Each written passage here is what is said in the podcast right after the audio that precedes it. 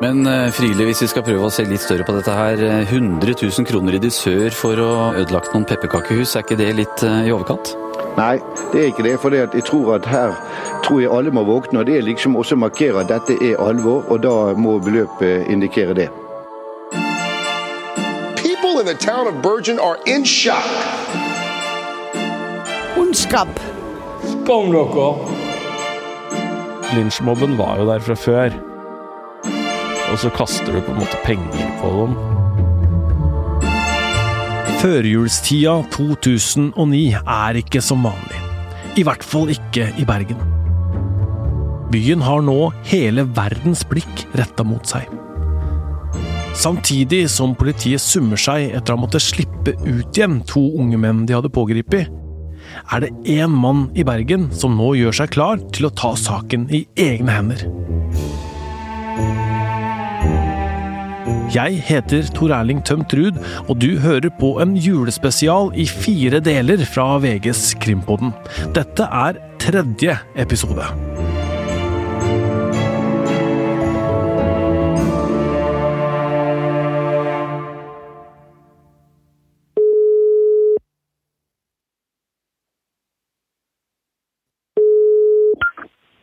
Hei, Konsamen.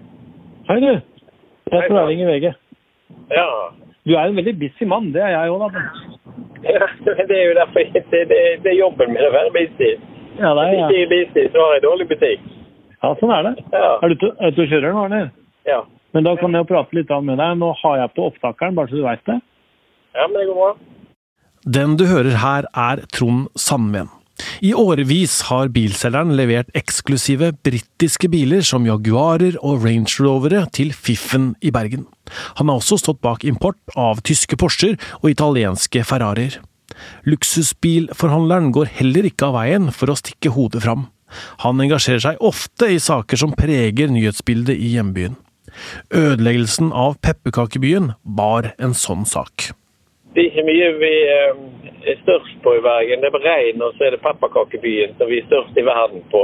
Ja. Og eh, i den forbindelse så ble det jo et veldig engasjement på dette her. Eh, og så eh, trommet det sammen noen ideer og diskuterte det som at eh, disse må jo bli tatt for å gjøre noe sånt mot eh, hva skal vi si, stoltheten Bergen i, i den forbindelse. Så eh, valgte vi å begynne å, å, å, å prøve å nøste opp i dette selv.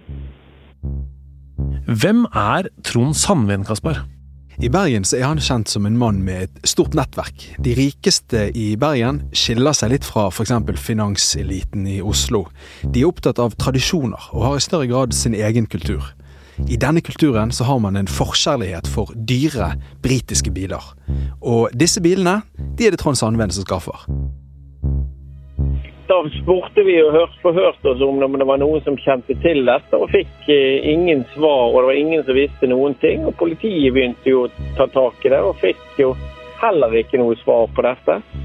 Og eh, da var det vi bestemte oss for at vi ville utlove en dusør. Hva håpa dere da? Vi håpet jo at eh, de rette menneskene skulle få, få den straffen som man fortjener.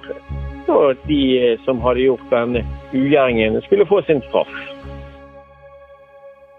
I tillegg til å være dus med eliten, så er han også engasjert og hjelpsom og sjenerøs, og kjent for å være med der det trengs å ta i et tak, som ved store dugnader og pengeinnsamlinger. Og akkurat en slik dugnad er nå under oppseiling. For nå planlegges en ny by av pepperkakehus. Den første reaksjonen på knusingen av pepperkakebyen hørte vi var sjokk. Den andre var sinne. På tåremeldingen, som ble referert til som Bergens Ground Zero, tar nå en følelse av håp over. For der, i haugen av smuler og knuste Nonstop, så bestemmer en liten gruppe mennesker seg for å gjøre noe stort. De skulle møte det vonde med farin, margarin og Du gjettet det? En liten teskje pepper. Det var litt sånn tåke i flere dager der, egentlig. Det skjedde så enormt mye på en gang. Uh, masse henvendelser og forskjellige, og vi måtte finne ut av ting. hva gjør vi. sant? Og, eh, men veldig raskt så, så, eh, så kom jo, kom jo den tanken ja, vi må bygge det opp igjen. sant? Og at vi måtte ikke gi opp. og måtte, Det ble jul i år òg. Steinar Kristoffersen har altså ikke gitt opp. Pepperkakegeneralen ønsker seg en ny by å være general for. Og for å få til det, så må det bygges og bakes, og nå tikker klokka ubønnhørlig mot jul. For en pepperkakeby i januar er jo like spennende som En påskehare i mai. Ja, eller like spennende som En russedrakt i juni. Den nye pepperkakebyen, den måtte stå ferdig innen jul. Så derfor møtes sjefen Steinar og kakebyarkitekt Kjersti for raskt å legge en plan. Så det var kanskje sint i en halvtime, så, så ble det mer sånn at ja, ja. Vi må jo bare prøve å gjøre det bra igjen. sant? Og så, og så må vi bare være løsningsfokusert og så forsøke at ok, dette skal vi klare på nytt. Da må vi bare prøve å mobilisere. Samtidig som planene legges for dugnad eller redningsaksjon for pepperkakebyen, så skjer det ting på en privat adresse et annet sted i byen. Kalenderen viser 25. november. Det er onsdag.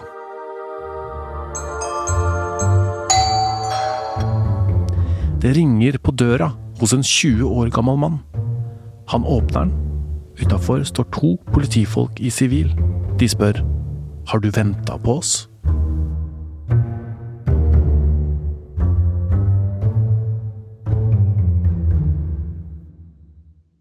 Ja, han hadde nok venta på politifolka, for han visste jo hvor han hadde vært.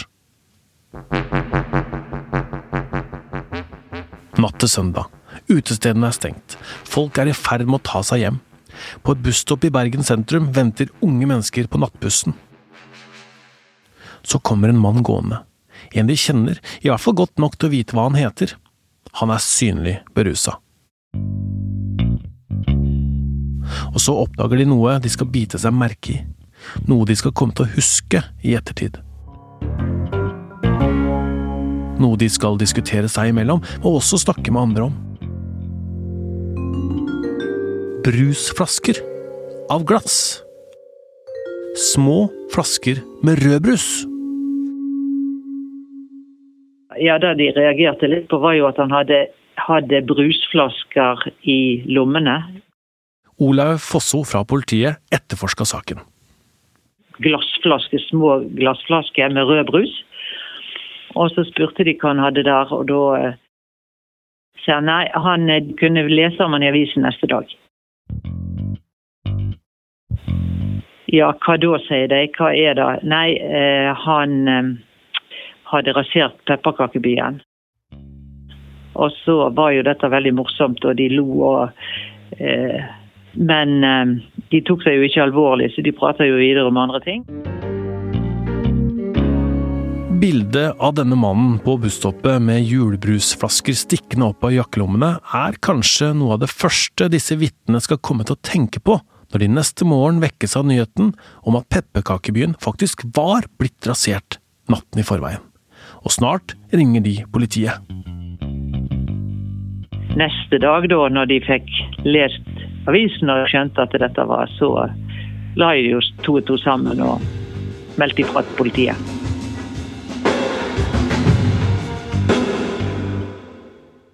Rødbrusvitnene skal vise seg å bli svært viktig i etterforskningen.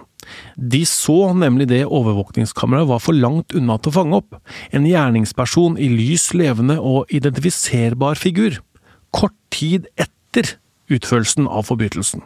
Legg merke til hva vitnet gjenga at gjerningsmannen hadde sagt. At han hadde rasert pepperkakebyen. Nå vet vi at også andre mennesker hadde slengt rundt seg med sånne tilståelser. Som de to vi fortalte om sist uke. Men det er én avgjørende detalj som skiller de to som først ble siktet, fra 20-åringen på busstoppet. Nemlig julebrusflaskene. Og dette julebrusbeviset er ikke tidligere offentlig kjent. Det var kjent at man savna julebrus fra teltet, og at dette bidro til pågripelsen, men dette er faktisk første gang vi får vite at politiet satt på vitneobservasjoner som knytta gjerningsmannen til slike brusflasker. Veit vi noe om hvorfor politiet ikke har gått ut med dette her før nå? Det vi vet er at I en del kjente store krimsaker fra utlandet, så er det jo sånn at dokumenter og deler av bevismaterialet hemmeligstemples for en gitt tidsperiode, og stemples som classified. Vi vet at eh, FBI gjorde det med deler av eh, etterforskningen fra Kennedy-drapet i 1963. Men det er ikke tilfellet her. Det vi vet, er at politiet faktisk gikk flere runder før de ville gi oss disse detaljene, selv nå. Grunnen til at de kunne si mer om det nå, det er at det er gått elleve år, og folk har fått det litt på avstand. Nå bestemmer politiet seg for å slå til på nytt. Denne gangen med utgangspunkt i teorien om at 20-åringen faktisk hadde utført handlingene han snakka om på busstoppet, og basert på at rødbrusflasken i lommene hans stamma fra den raserte pepperkakebyen. Og så kalte vi han inn til avhør, og han eh, tilsto jo at eh, han hadde gjort det. I avhør med politiet onsdag 25.11 tilstår 20-åringen at det var han som hadde knust pepperkakebyen helgen i forveien. Han sier at han var berusa, at han hadde handla aleine, og at han ikke huska så mye av det etterpå. Det er ikke så mange som går rundt med rød brus midt på natten, så eh, ja, han eh, la seg flat, selvfølgelig.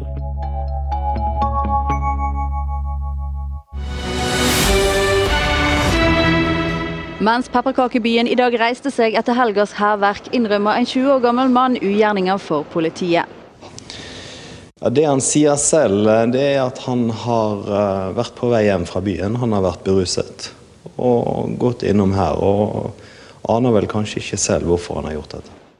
I avhøra forteller også 20-åringen at han gjorde dette etter at han har vært på byen, bare et lite kvartal unna åstedet. Ok, da er vi der som Som det har blitt forklart, iallfall, at dette var utestedet hvor denne mannen dro fra. Mm. Som ligger helt nederst i Torgallmenningen eh, mot Hotell Norge der, da. Ja, eller på Ole Bulls plass er vi nå, opp mot uh, Den nasjonale scene. Riktig, riktig. Hva slags sted var dette? da? Ja, det het Bukka. Jeg husker det som litt sånn at det var litt fresht med sånn tepper på veggene og taket og litt sånn den litt sånn Kanskje litt sånn Stureplan-stilen. Mm. Som vi kaller nå for danskebåt. Danske, nettopp.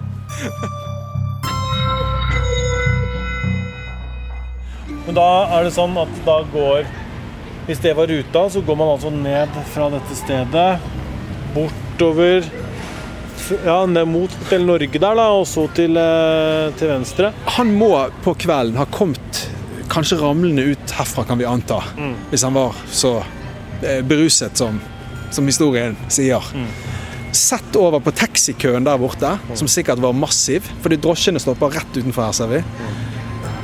Gått litt forbi der, for der er det gjerne litt bråk på en lørdagskveld. Knuffing.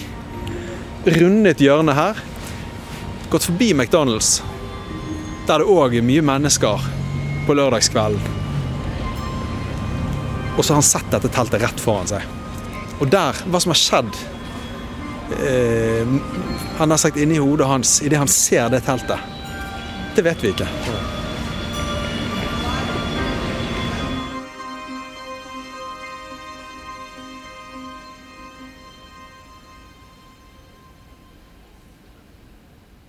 Gjerningsmannen har holdt en lav profil etter at han tilsto til politiet. Jeg har snakka med han flere ganger, og han ønsker ikke være med i denne podkasten, og det respekterer vi. Men han har gitt et intervju. Til Bergens Tidende på selveste julaften året etter knusinga. Du ser på det intervjuet nå, Kaspar. Ja, og han gir jo her litt detaljer fra den natten. Han forteller at det å komme seg inn i teltet til pepperkakebyen gikk lett. Det var bare å trekke ned en glidelås. Han opplyser også at han sjangler, at han er full. Bedugget er ordet han bruker.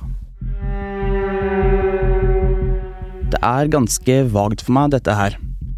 Stemmen du hører her er ikke 20-åringen selv, men en kollega av meg som leser opp det han fortalte i dette intervjuet med Bergens Tidende. Jeg husker ikke helt hva jeg gjorde der inne, men jeg husker at jeg knuste noen hus. Inne i teltet så tok han en feiekost, og brukte denne til å knuse hus med. I tillegg så helte han ut spann med maling, og han sprøytet rundt seg med brannslukningsapparat.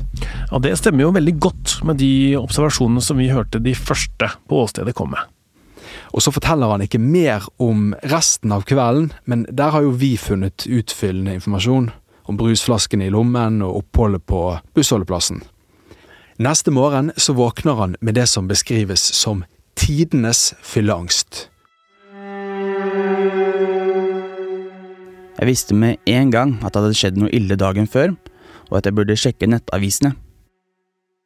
Så får han høre nyheten. Nyheten han ifølge julebrusvitnene selv hadde spådd skulle komme. Jeg fikk eh, sjokk da jeg så bildene. Nyheten var overalt. Jeg kjente angsten da jeg leste at jeg kunne vente meg ett år i fengsel. Jeg holdt meg innendørs hele dagen og leste alt jeg kom over på nettavisene. Jeg hadde noen kompiser på besøk. De syntes det hele var litt morsomt. Det syntes ikke jeg. Jeg var full av angst. Jeg kan tenke meg at eh, den dusøren ikke akkurat bidro til å dempe nervene hans. Nei, vi har jo alle gjort dumme ting eh, da vi var full, og kanskje gjorde vi noen av de aller dummeste tingene da vi var 20 år. Forestill deg at du, på toppen av bondeangeren, får vite at nå har noen av byens rikeste og mektigste utlovet en dusør til den som finner deg. Jeg syntes det var helt vilt, og jeg ble enda mer stressa da jeg skjønte at noen ville betale 100 000 kroner for dem som kunne sørge for at saken ble løst. Jeg så meg over skulderen og lurte på hva som kunne møte meg rundt neste hushjørne. Det var under etterforskninga blitt hevda at gjerningsmannen kunne risikere en fengselsstraff på opptil ett år, men andre har beskrevet disse dagene med ord som blodpåke. For da det kom til stykket, så valgte man å flytte saken ut av det tradisjonelle strafferettslige systemet, for det blei ikke noe rettssak. Så var det kanskje aldri det rent juridiske som gjorde dette til en stor sak heller. Omfanget handla mye om følelser, om jul og om barn. Og om pepperkakehus. Det var det som vakte oppmerksomhet verden rundt, fordi saken var så spesiell og annerledes. Alle de involverte har elleve år seinere sine egne minner fra denne førjula 2009, som politietterforsker Olaug Fosso. Nei, det er jo en sak som jeg aldri har glemt, og det er jo ikke for da verken alvorlighetsgraden eller at han skulle være komplisert å etterforske. Det er jo fordi at han kom spaserende med disse brusflaskene og dermed ja, ble jo avslørt på den måten. Så det er jo grunnen til at jeg overhodet husker saken. Og det er jo nesten bare det med de brusflaskene jeg husker faktisk. Etter å ha avhørt 20-åringen, så sender politiet saken over til Konfliktrådet. Konfliktrådet er en statlig tjeneste som tilbyr mekling i straffesaker og i sivile saker. Hensikten er at partene gjennom dialog kan finne fram til gode løsninger, enten det gjelder å gjøre opp for konkrete lovbrudd, eller gjenopprette mellommenneskelige relasjoner. Men Kaspar, veit vi noe om hvordan bergenserne reagerte nå som de hadde fått en tilståelse? Ja, Vi har jo snakket med mange mennesker i arbeidet med denne podkasten, og flere av de gir uttrykk for at det på den tiden var et stort behov for å få svar. Svar på hvordan ting hadde skjedd, og også på hvorfor det hadde skjedd. Så var det nok noen som der og da mente at han slapp litt billig unna. Det oppsto nemlig et visst press da det ble kjent at saken skulle til konfliktrådet også politisk. Et politisk eh, press? Ja, fra den daværende lederen i Fremskrittspartiet i Bergen, Øystein Kristoffersen. I Bergens Tidende 26. november så sier han at han tror å sende saken til konfliktrådet er en fornuftig løsning, men at de må der bli enige om et økonomisk oppgjør. Hvis partene derimot bare snakker sammen, blir det feil, sier han. Dette var altså rammene da partene møttes til mekling i konfliktrådet. Og den som nå skulle treffe gjerningsmannen ansikt til ansikt, det var pepperkakebysjefen Steinar Kristoffersen. Og eh, da traff jeg han første gangen. Hvordan var det? Nei, det var jo eh, Jeg er jo en syndig kar, på en måte. Sant? Jeg eh, klarer liksom ikke å hisse meg så kraftig oppover.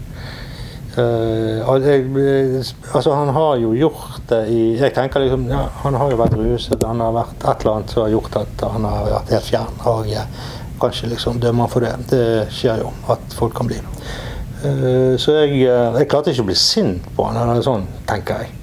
Eh, jeg, tror det var, jeg var mest kanskje nysgjerrig på hvem er dette, og hva er problemet, liksom. Eh, han, eh, straffen mm, var at han skulle betale et beløp til SOS Barnebyer eh, hver måned i x antall år. Eh, og det holdt han på med i tre-fire år, da. Som eh, Så han har vel for så vidt da gjort opp for seg, og ferdig, vi, vi er ferdig med det, tror jeg. I tillegg så blei det avtalt at gjerningsmannen skulle si unnskyld. Ikke bare til Steinar for å ha knust byen han var sjef for, men til hele Bergens befolkning. Men hvordan skulle denne offentlige beklagelsen egentlig foregå? Her oppsto det umiddelbart forvirring. Det ble hevdet i pressen at han ifølge forliket måtte si unnskyld gjennom en videohilsen, sladdet. Men så rykket Kristoffersen kort tid etterpå ut i Nettavisen og dementerte de ryktene. Hadde man høye forventninger til denne unnskyldningen? Følelsene er så sterke akkurat nå, og de er sterke fordi selve julestemningen er i spill. Skal det bli jul i Bergen i 2009, så må det forsoning til. Og da er det store spørsmålet i hvilken form vil unnskyldningen komme, og klarer folk å tilgi og gå videre? Og skjer alt dette i tide til jul? Ja, for nå tikker klokka i Bergen. De har også en hel by av pepperkaker de skal få opp innen jul. Klarer bergenserne å snu sorg, vrede og hevnlyst til salig juleglede? Det skal vi få svar på i neste og siste episode av Krimpoddens julespesial. Men du Tor Erling? Ja? Det er fortsatt ting vi ikke har fått svar på. Selv om alle nå pustet lettet ut over at gjerningsmannen var tatt, så føler ikke jeg at vi er helt i mål. Dusøren, hvor hvor ble det av de pengene? Og bidro dusøren til den pågripelsen vi nå har hørt om? Svarene vi har fått på de spørsmålene, spriker jo i alle retninger. Ja, for det er noe med den dusøren som vi har reagert på. Og vi har faktisk interessante spor som peker mot hvor pengene forsvant. Og her finnes det et helt vilt rykte. Så dette, Kaspar, det må vi ha mer om i neste episode. Follow the money. Nå er vi i ferd med å oppdage at ting vi har blitt fortalt, ting som du har hørt og trodd på i denne podkasten, kanskje ikke helt stemmer. Jeg tror ikke Friele helt hadde ment å fortelle meg at han hadde møtt disse folkene. At det var noe som han klumpa ute med. For det, det gjorde han jo hele tiden. Sant? Det var litt sånn Å Å ja. Ja vel. Det gikk helt til topps, dette her, liksom. Husker du øh, noe du kan si om eh, hvem som fikk den dusøren? Vet du hva, Jeg prøver å finne ut av det, men jeg har ikke klart å finne ut av det. Hvordan kan vi klare å finne ut av det? Det er ingen som vet hvor det er blitt av, pengene. Men hvor eh, Ja, de som ga de søren, må jo vite hvor, hvem som fikk pengene. Følg med neste torsdag. Da snur vi siste smule i pepperkakemysteriet.